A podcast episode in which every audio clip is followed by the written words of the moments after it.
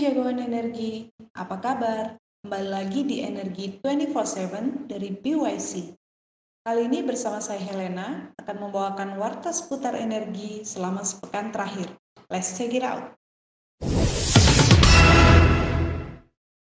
Berita pertama datang dari harga komoditas energi. Indonesian Crude Price atau ICP minggu ini tercatat masih mengikuti harga ICP di bulan Juli 2021 yaitu pada level 72,17 US dollar per barel. Sedangkan West Texas Intermediate Crude Price atau WTI di minggu keempat Agustus ini cenderung mengalami kenaikan, yakni mencapai 67,8 US dollar per barel per tanggal 26 Agustus 2021. Harga batubara acuan atau HBA di bulan Agustus terus mengalami penguatan selama enam bulan terakhir, hingga mencapai 130,99 US dollar per ton. Dan untuk Newcastle Coal Price, dalam satu minggu terakhir tidak mengalami fluktuasi yang signifikan, dengan nilai berkisar di 170 US dollar per ton.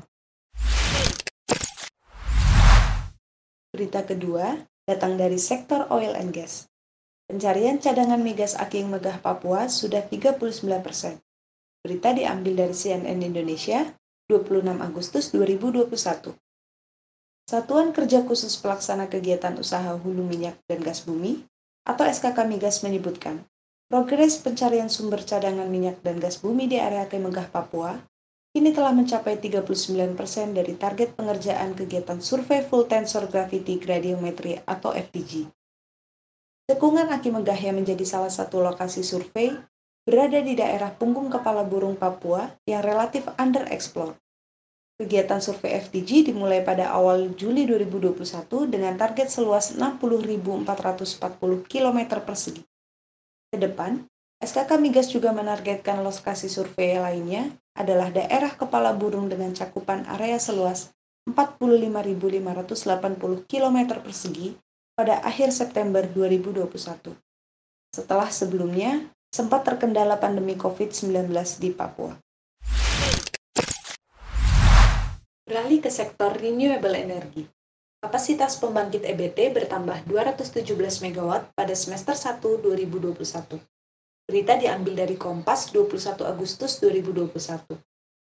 Kementerian Energi dan Sumber Daya Mineral ESDM melaporkan pertumbuhan kapasitas pembangkit energi baru terbarukan yang positif sepanjang paruh pertama tahun 2021. Hingga pertengahan tahun 2021, kapasitas pembangkit listrik EBT naik hingga 217 MW. Total tambahan 217 MW tersebut diperoleh dari PLT Air Malaya 90 MW, 9 unit PLT Mini Hydro 56 MW, PLTS Atap 13 MW, PLTP Sorik Marapi Unit 2 45 MW, dan PLT Bioenergi 12,5 MW.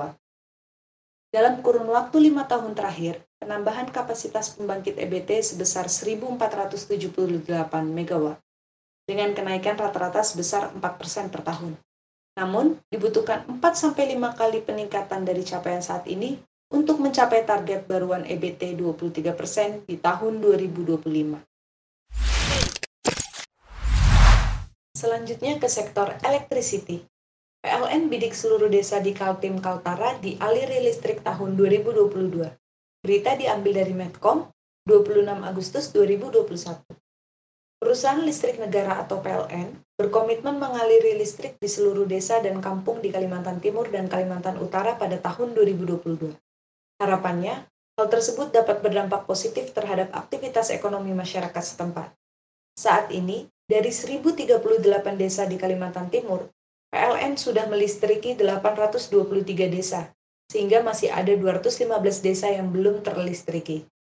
Di Kalimantan Utara, dari 482 desa, PLN telah melistriki 309 desa atau masih ada 173 desa yang belum dialiri setrum.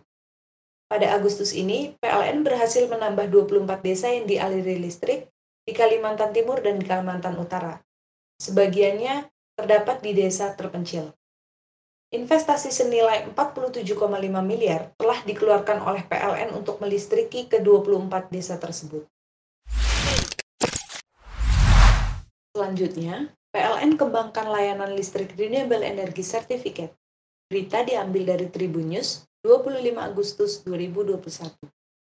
Sejumlah perusahaan-perusahaan global di Indonesia mengeluhkan sulit memenuhi target 100% penggunaan energi baru terbarukan atau EBT dalam seluruh aktivitas bisnisnya. Hal ini direspon PLN melalui penyediaan layanan listrik Renewable Energy Certificate atau REC. Melalui REC, Perusahaan di Indonesia dapat diakui secara global untuk footprint karbon tanpa membangun sendiri pembangkit listrik EBT. Tarif yang dibanderol PLN untuk perusahaan yang menggunakan REC sangat kompetitif, yakni 35.000 per 1 megawatt hour. Penetapan tarif tersebut diakui sudah berdasarkan analisis secara global berdasarkan penerapan di berbagai negara. Sekian Warta Energi 24/7 dari PYC. Semoga energi 24/7 dapat menemani jagoan energi di mana pun kalian berada. Jangan lupa ikuti media sosial kami di Facebook, Instagram, dan YouTube. Stay safe, stay healthy, and have a nice weekend.